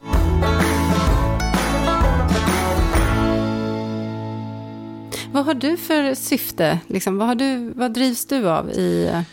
För du jobbar ganska mycket. Jag jobbar, Jag ja, precis. Alltså så här, Mm. ja, numera så brukar jag till folk så här, så här liksom, när de frågar så här, ja men hur mycket jobbar du? Så brukar jag säga, ja, så antingen jobbar jag 80-100 timmars veckor eller så jobbar jag inte alls. Och då tror folk att antingen så jobbar jag 80-100 timmars eller så har jag semester. Men jag säger så här, nej nej, jag gör 80-100 timmars veckor varje vecka, men du får bedöma om detta är jobb eller inte. Förstår du? Så antingen jobbar jag skitmycket i vissa människors ögon eller i andra så jobbar jag inte alls. Som det, detta poddavsnittet. Är detta Mm. jobb eller inte? Jag vet inte. Alltså så här, jag tycker detta är fantastiskt roligt. Jag älskar den här typen av samtal. Jag brinner för att hjälpa andra människor. Jag brinner framförallt så att folk inte behöver göra detta misstaget som jag gjorde. Så var så här, vad är ditt mål? Ekonomisk frihet så jag inte behöver jobba. För jag var också där i 15 år och så inser jag längs vägen, det är ett misstag. Och, och, då, och när folk, och det, vi har så svårt för att reagera och då börjar vi liksom så här plötsligt så här, okej, värdera, okej, om du får betalt för det så är det ett jobb. Okej, men du betalar mig inte för att jag sitter i detta samtalet. Okej, så det är inte jobb. Ja, fast å andra sidan, om jag tycker att detta poddavsnittet är bra, då kommer jag lägga ut det på min blogg och på min blogg så tjänar jag ju pengar. Okej, då blir Mm. det jobb. Ja, fast å andra sidan, jag hade ju inte behövt göra det. Nej, men, du vet, och så blir det jätteknökigt Mm. för andra människor liksom, att passa in detta i så här, jobb, fritid. Och därför säger jag så här, tänk om till och med hela paradigmet om jobb och fritid är helt fel. Frågar du en stenåldersjägare, det var inte som att de slutade jaga klockan fem eller gick ut och jagade klockan nio. Prata med en bonde. Det är inte som att eh, liksom, man kör förbi en åker på en söndag förmiddag och man inte ser en traktor ute. Så, En, en livsstil, man ska säga. ja, Ja. ja. Det flyter ihop. Men om man säger så här då, med, med, om man pratar work-life balance och, och Ja. det här liksom tid med familjen, tid Ja, för vänner och- och, den och-. Och- hur, hur ser du på den och liksom, hur ser det ut i din vardag? Ja, och jag tänker så här, tänk om den premissen också är fel. Tänk om det inte handlar om work-life balance, tänk om det handlar om life balance. Mm. Och life balance inkluderat vissa saker som är, som är jobb. Så till exempel jag och Caroline, vi, vi har ju verkligen så här, när vi fattade detta, liksom så här, och detta tog oss flera år, så jag vill inte framstå som någon dryg jävel som listade ut detta liksom så här, när jag var sju år gammal, utan detta, var, liksom, detta har ju varit så här 20 års resa och mycket kurser, mycket terapi, mycket personlig utveckling, mycket pengar på, på sådana grejer. Så insåg jag så här, nej men vi vill inte skilja på arbetstid och fritid. Så ett, till exempel så här, vi då, om jag ska använda orden jobba, vi jobbar hemifrån. Jag har studion i källaren. Eh, vi har eh, liksom, Caroline eh, gör sina projekt hemifrån. Vi har arrangerat vårt liv så att vi har allt inom tusen meter. Vi har ICA inom tusen meter, vi har skola inom tusen meter. Eh, liksom, och vi, vi går och hämtar barnen tidigt ibland. Vi har en au pair till exempel. Och då trodde vi också så här, vi gjorde en felaktigt antag att au pair, då kommer man ju spendera mindre tid med sina barn och plötsligt så upptäckte nej men gud, en au pair, till exempel vår Masha då, hon lagar mat, vilket gör att vi har fått mer kvalitetstid med, med barnen. Eh, och sen tror jag att det där är olika faser också, att till exempel vi har en nioåring och en tvååring. De har ju väldigt olika behov eh, Mm. och sådant. Så att jag tror ju att eh, liksom vi har försökt designa vårt liv. Det var ju det som var vårt mål när vi inte, liksom när vi fick svara på frågan, liksom inte till ICA eller liksom inte till Danmark. Då var det Mm. så här, nej men vi vill ha en fantastisk vardag. Det, det var liksom det som dök upp för oss. Vi vill inte ha de där semestrarna eller liksom att man ska iväg någonstans för att få semester, utan vi vill ha så här, vi vill ha vår vardag och ha den liksom optimerad. Och detta går ju också i linje med så här lyckoforskning, till exempel en sån här insikt vi fick efter att vi hade åkt skidresor. Åker man fy, fyra pers på en skidresa, det kostar 40-50 000 spänn inklusive allt. Och så var det så här, men Eh, om du istället för att ha en stor upplevelse, säger lyckoforskningen, sprid ut den upplevelsen över liksom många små upplevelser. Så plötsligt gjorde vi beslut, istället för att lägga 50 000 på en skidresa, låt oss ha en budget på 1000 kronor extra i veckan i 50 veckor, där vi varje vecka gör någonting liksom extraordinärt för den tusenlappen. Till exempel så här, innan corona så gick vi på teater till exempel, eller Mm. tog hämtmat eller liksom köpte lego till eh, barnen. Och det gav mycket mer lycka liksom för pengarna än den där skidresan som är liksom intensiv i en vecka och som om man har småbarn vet hur det är, där man är mer trött när man kommer hem än man var innan man mm. liksom åkte. Så, så att för, för mig och Caroline har det ju handlat mycket om att få, få följa det vi tycker är roligt. Vi började träna kampsport för när vi var, när jag var 39 eller 38, liksom helt nybörjare, var sämst i gruppen. Och det var så fantastiskt roligt liksom. Så att, eh, ja, så att sånt, eh, och jag fattar att det låter väldigt flytande, men för mig handlar det om liksom vardagen, livet. Eh, så att, så att i grunden handlar det så här, jag vill kunna säga att om jag dör imorgon så vill jag kunna säga att det var ett fantastiskt liv. Ja, det är trist jag inte får vara med om bröllop och barnbarn och student. Men shit vad bra mitt liv blev, mycket bättre än vad jag någonsin trodde. Och för mig är det liksom det som är det viktiga. Att ja, mm. det har varit gott.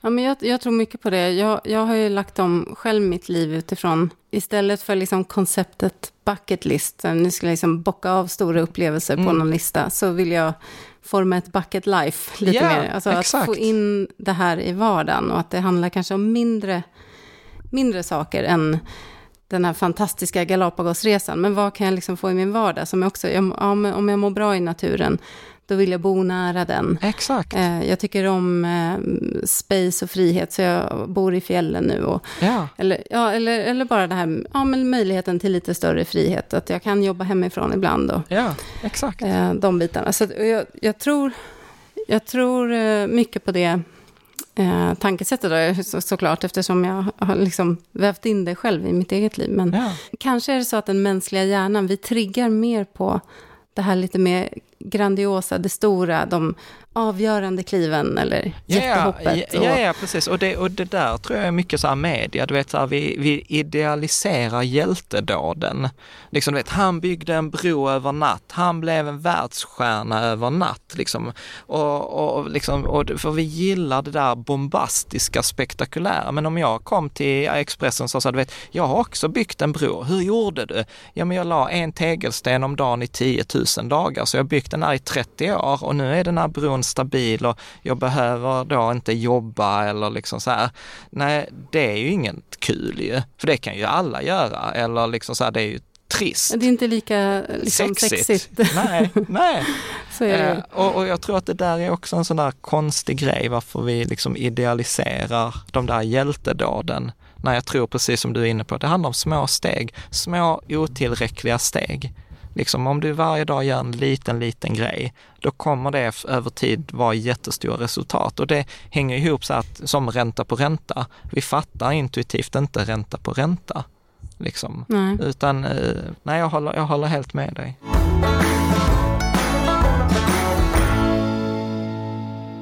Eh, flera av våra lyssnare har frågat om eh, tips när det gäller kring eh, sparande och eh, investeringar eh, och hållbarhet då, alltså klimat. Ja. Vad, vad, skulle du säga kring det? Jag, skulle... jag har förstått att det gör en alltså vi, av, våra avtryck är större nästan när det gäller sparande än i ja. vårt dagliga liv. Så är det absolut. Eh, alltså Världsnaturfonden har ju jättebra, de pratar om det här börsen, bilen, biffen, eh, butiken. Eh, så, att, så att sparandet har en jättestor eh, verk, eh, påverkan. Sen är det så här, studier går lite i olika riktning. Alltså till exempel en hel del studier visar på att många fonder använder att de är hållbara som marknadsföring, men sen är de inte så hållbara. Sen är det många olika hållbarhetsstandarder så att det är väldigt, väldigt klurigt. Så att vissa säger till och med så att det är bättre att liksom spara i en okej okay fond och sen använd extra pengar för att liksom stötta eller sponsra projekt som gör uttalat gott. Eh, att det kan många gånger ge en större nettoeffekt än att spara allt i en hållbar fond. Så att det vill säga att eh, lite den här att man går till extremerna som vi har varit på innan. Jag själv, hur jag själv gör är ju till exempel så att jag gillar till exempel då fondroboten Lysa där jag har mycket liksom i deras hållbara alternativ. Eh, jag gillar ju till exempel jag själv gjort intervjuer med Proetos, eh, Magnus Alfredsson som har en uttalat grön fond Eh, Eh, och jag liksom försöker påverka i dem, i dem liksom att skicka mejl till fondförvaltarna, så här, hur jobbar ni med, med eh, hållbarhet etc. Sen gillar jag ju eh, projekt som där liksom det vad ska man säga, är inbyggt i affärsidén att det ska vara hållbart. Jag gillar ju till exempel Trine, eh, som är så här Göteborgsbolag, eh, där man kan investera liksom och i solpaneler eller man lånar ut pengar till solpaneler. Jag gillar ett företag som heter Switcher, eh, som jag också har intervjuat på vår blogg, där du, där du köper in dig en solpark, liksom som är antingen i Italien eller i Varberg eller på andra ställen och så får man liksom en 6% avkastning på sina pengar. Dock kan jag inte med gott samvete rekommendera det som investeringar eftersom riskerna är helt annorlunda i de här, utan man behöver liksom inse vad är, vad är det jag betalar, vad är risken jag tar? Som till exempel att jag investerar, lånar jag ut pengar till ett företag i Afrika som ska sälja solpaneler, det kan gå i konkurs och jag kan bli av med alla mina pengar. Det kommer jag inte bli i till exempel Lysas eh, hållbarhetsfond, men å andra sidan har inte den samma hands-on påverkan som någon som ersätter liksom mm. eh, fotogenbrännare med solpanelslampor. Så att man, jag tror man får göra en liten avvägning där och sen brukar jag som säga, som tur är så behöver man inte göra antingen eller, utan man kan faktiskt välja både och. Så jag spontant eh, brukar eh, liksom ha basen i liksom hållbart sparande och sen försöker jag stötta alla initiativ som handlar om att eh, gör, ha en positiv social eller hållbarhets eller miljömässig effekt. Och, och där finns ju ganska många sådana projekt, till exempel Climeworks är ett sådant projekt som jag gillar. Där får man ingen avkastning, så det handlar inte om att investera, utan det är ren välgörenhet. De binder koldioxid från atmosfären.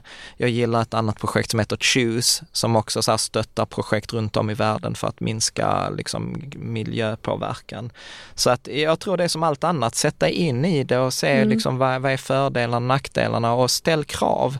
Det skulle jag nog nästan säga är det viktigaste. Exempel när Lysa började, den här eh, Sveriges största fondrobot som jag själv gillar och jag ska kanske säga jag har ett samarbete med eh, liksom på, på min egen blogg. De, till exempel när de började så hade de inget hållbart alternativ. Men då var jag och flera liksom hundra andra läsare skrev till dem så här, ni har en skitbra affärsidé men ni har inget hållbart alternativ och det suger. Och sen har de själva sagt så här, gud vi visste inte att intresset var så stort och så skaffade de liksom ett hållbart alternativ. Och jag tror att vi många gånger glömmer bort att ja, jag kanske är en droppe i havet, men är vi liksom 10 000 som mejlar till en kundtjänst så är vi inte en droppe i havet utan då är det en storm och jag lovar att kommer det 10 000 ärenden till en kundtjänst som önskar hållbarhet, då jäklar hamnar det uppe hos styrelsen förr eller senare. Och sen finns det faktiskt en sajt som heter Fair Finance eh, Guide som jag tycker är jättebra eh, också, som man kan titta på hur e-, etiska och ekologiska är banker och olika mm. fonder mm. och sånt. Men, men jag skulle vara så här, gå inte på all marknadsföring, exempel att en, svan, att en fond är svanenmärkt betyder inte så mycket liksom. Nej, och vad ska man eh, akta sig för? Eller vad, vad ska man definitivt välja bort? Saker som inte går i linje med ens värderingar. Alltså så här till exempel, jag själv eh, såg till exempel bitcoinbubblan. Jag skrev, gjorde ett avsnitt på bloggen så jag har inte hittat på det i efterhand. Eh, och jag är så här, nej men jag spekulerar inte i den för jag var så här, nej jag tycker inte det är etiskt att spekulera i. Här kommer massor av människor förlora pengar. Jag kan tjäna pengar på det men jag väljer att inte göra det. Jag tycker inte det är okej. Okay. Eh, jag själv undviker till exempel, ja, jag gillar inte fossila liksom eh, bränsle eller liksom sådana försök undvika det. Men sen återigen så handlar det ju om så här, att titta på, alltså tänka tanken slut. Det tror jag, alltså att vara medveten konsument och sätta ja, sig in i, ja, ja, så att jag hela tror, kedjan. Ja, precis. Eh, tänka tanken slut. Alltså jag brukar vara så här, mm. gå inte på den första initiala känslan utan det som Daniel Kahneman skrev i sin bok, tänka snabbt, tänka långsamt unna dig möjligheten att tänka långsamt. Vad betyder detta egentligen? Ja, och när man talar om just hållbarhet och så är det en lyssnare som skriver så här. Greta Thunberg är så tydlig. Vi kan inte rädda planeten så länge vi har ett ekonomiskt system som bygger på tillväxt. Mm. Om det är omöjligt, vad kommer hända med ekonomin i framtiden? Alltså hur länge kommer det här systemet mm. hålla? Och kan det stöpas om för en, eller hur ser du att det skulle kunna stöpas om för en liksom mindre mm. tillväxtorienterad framtid? Ja, här är jag så här jobbig, för där är jag så här, tänk om den premissen är fel. Och där finns ju forskning på detta som visar också att liksom, nej, tillväxt, det beror på var tillväxten kommer ifrån. Kommer tillväxten från att vi liksom bryter grejer i gruvor, ja då är tillväxten ändlig absolut och vi behöver substitutioner, åter, eh, vad heter det, recycling, återvinning. Men ta till exempel eh, aluminiumburkar. Jag såg någon studie som visade till exempel mängden aluminium i en aluminiumburk mellan 1950, det var typ så 30 gram, idag är det 3 gram. Eh, titta på liksom i princip vilken annan råvara som helst så har användningen av den minskat över tid. Och när användningen av en råvara minskar så kan det ju ske tillväxt eller utveckling utan att vi förbrukar mer resurser. Så jag är inte helt såld på eh, premissen att eh, liksom tillväxten måste vara ändlig i alla fall, utan jag tänker att tillväxten kan se annorlunda ut. Eh, och detta är återigen det här tänka snabbt, tänka långsamt. För det är så enkelt att köpa in. Jag säger inte att Greta Thunberg är fel, jag tycker hon är fantastisk och jag tycker att det är en jätteviktig fråga. Men, men jag, är, jag, jag blir alltid allergisk när en fråga utmålas som svart och vit om man inte tittar på nyanserna. Eh, och, och där finns en hel del studier som visar sig att vi behöver göra saker annorlunda det håller jag helt med. Det är ingen tvekan om att vi måste göra saker annorlunda. Men bara för att vi behöver göra saker annorlunda betyder det inte att, att det ska vara liksom svart eller vitt. Du eh. sa i något poddavsnitt att det är Alltså, som det är nu då, så är det alltid kapitalet som styr. Och ja. Vilka incitament ser du, eller liksom, hur skulle det kunna styras åt rätt håll då? Ja, men jag, tror, jag tror mer på projekt där man behöver se att man kan tjäna pengar på att göra gott. För jag, jag tror tyvärr, tyvärr är det ju så i världen att pengar trumfar allt. Saker kan vara olagliga, men kan man tjäna pengar på det eh, så kan man liksom i vissa områden, beroende till exempel på fattigdom, och människor som är fattiga är inte dumma i huvudet, utan de fattar när de hugger ner träden att det inte är bra. Men de är så här, okej okay, om jag inte hugger ner trädet och bränner detta trädet i kol så har jag inte mat till barnen. Och då är det ett större problem än att det blir jorderosion här om fem år och att jorderosionen sen gör att vi inte kan få vatten eller så. Alltså, det är ett problem längre i framtiden. Så jag, jag tror ju, och jag, har, alltså jag är ändå i grunden positiv och jag ser ju att mycket mer pengar idag riktas ju till hållbara eller liksom hållbara projekt och att vi ställer mer krav på företag. Vi accepterar inte saker som vi gjorde förr. Och det ser man också i yngre, att det är mycket viktigare för yngre generationer. Och någonting som jag tror vi vuxna glömmer bort är ju att våra pengar kommer ju ärvas av våra barn. Och det är ju inte som att våra barn inte har fattat grejen med klimatkrisen. Liksom, eh, krisen. Så att där är jag ändå på någon slags liksom, optim, optimist, eh, tror jag. att och att, att vi kommer se mycket, mycket mer av, eh, liksom som till exempel switcher, som är ett sånt illustrativt exempel. Så här, ja, investera i solpaneler, och få avkastning på att det liksom produceras fler solparker.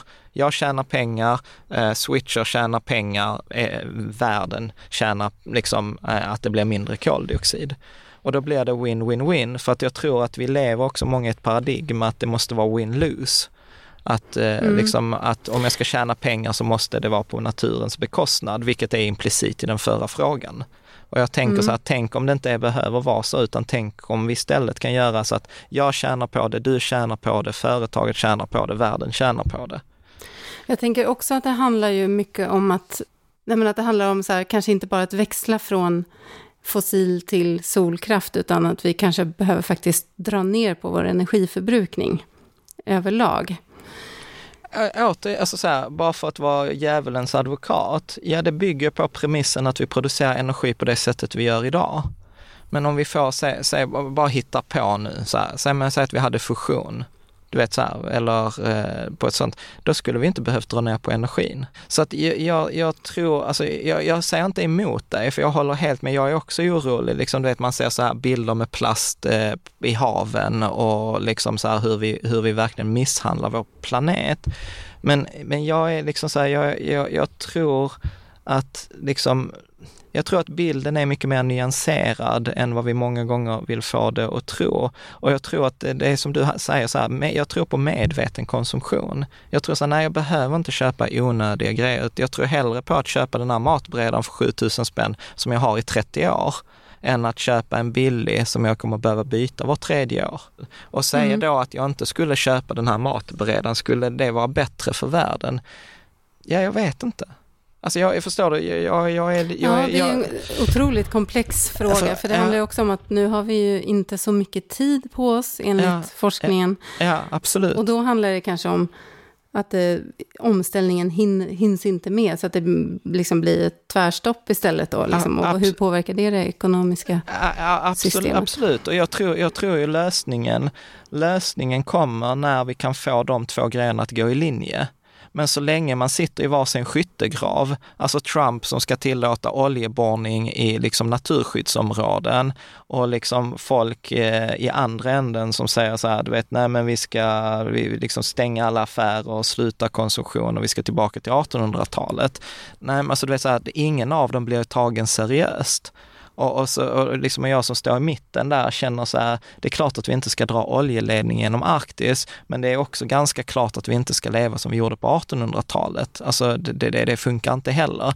Utan så här, okej, okay, så hur kan vi göra? Och, och jag gillar ju liksom så här win-win-win. Så för mig blir det liksom att många gånger så lever vi också återigen ett paradigm där det är antingen eller. Liksom det eller det, liksom jobb eller fritid, semester eller vardag eller liksom så här. Och då tänker jag så här, okej, okay, hur kan vi göra både och? Hur kan vi ha tillväxt och ta hand om vår, vår planet så att den inte går åt helvete. Liksom vilket är en överhängande risk. Och, och, det där är väl en större fråga som jag oroar mig när jag tittar på samhället. För jag upplever inte att vi, börjar, att vi lever i ett samhälle där vi mer och mer möts i mitten, utan jag upplever att vi lever i ett samhälle som verkar vara att vi polariseras mer och mer åt kanterna. Så att det blir liksom mer liksom klimataktivism liksom, och, och sen drar burkar de andra åt andra hållet. Och så möts man aldrig och säger så här, vet du vad, du har en sjukt bra poäng i det du säger där. Om jag lägger till det jag kan, då skulle det kunna bli så här. Utan vi pratar inte ens med varandra. Det tycker jag är läskigt. Komplex, komplex fråga. fråga.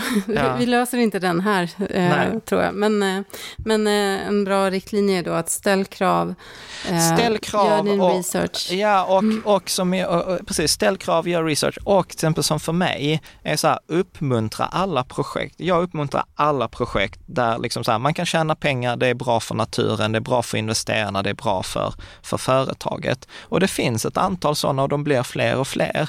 Och då är jag så här, vet du vad, detta tar jag från min investeringsbudget och jag stöd, stödjer detta för att det är där också skillnaden på välgörenhet. Välgörenhet som Climeworks, kul grej och skänker några hundralappar. Switcher, eller så här, eh, kul välgörenhet, den går på min liksom pengarna som blir över lite. Medan när jag tar till exempel Switcher eller Trine eller de andra, ja men då det är det en del av mina sparpengar. Och kan jag lägga en del av mina sparpengar, då blir ju impacten mycket större. Dessutom blir det en ränta på ränta-effekt i de projekten för att de pengarna jag tjänar återinvesterar jag ju ofta i samma.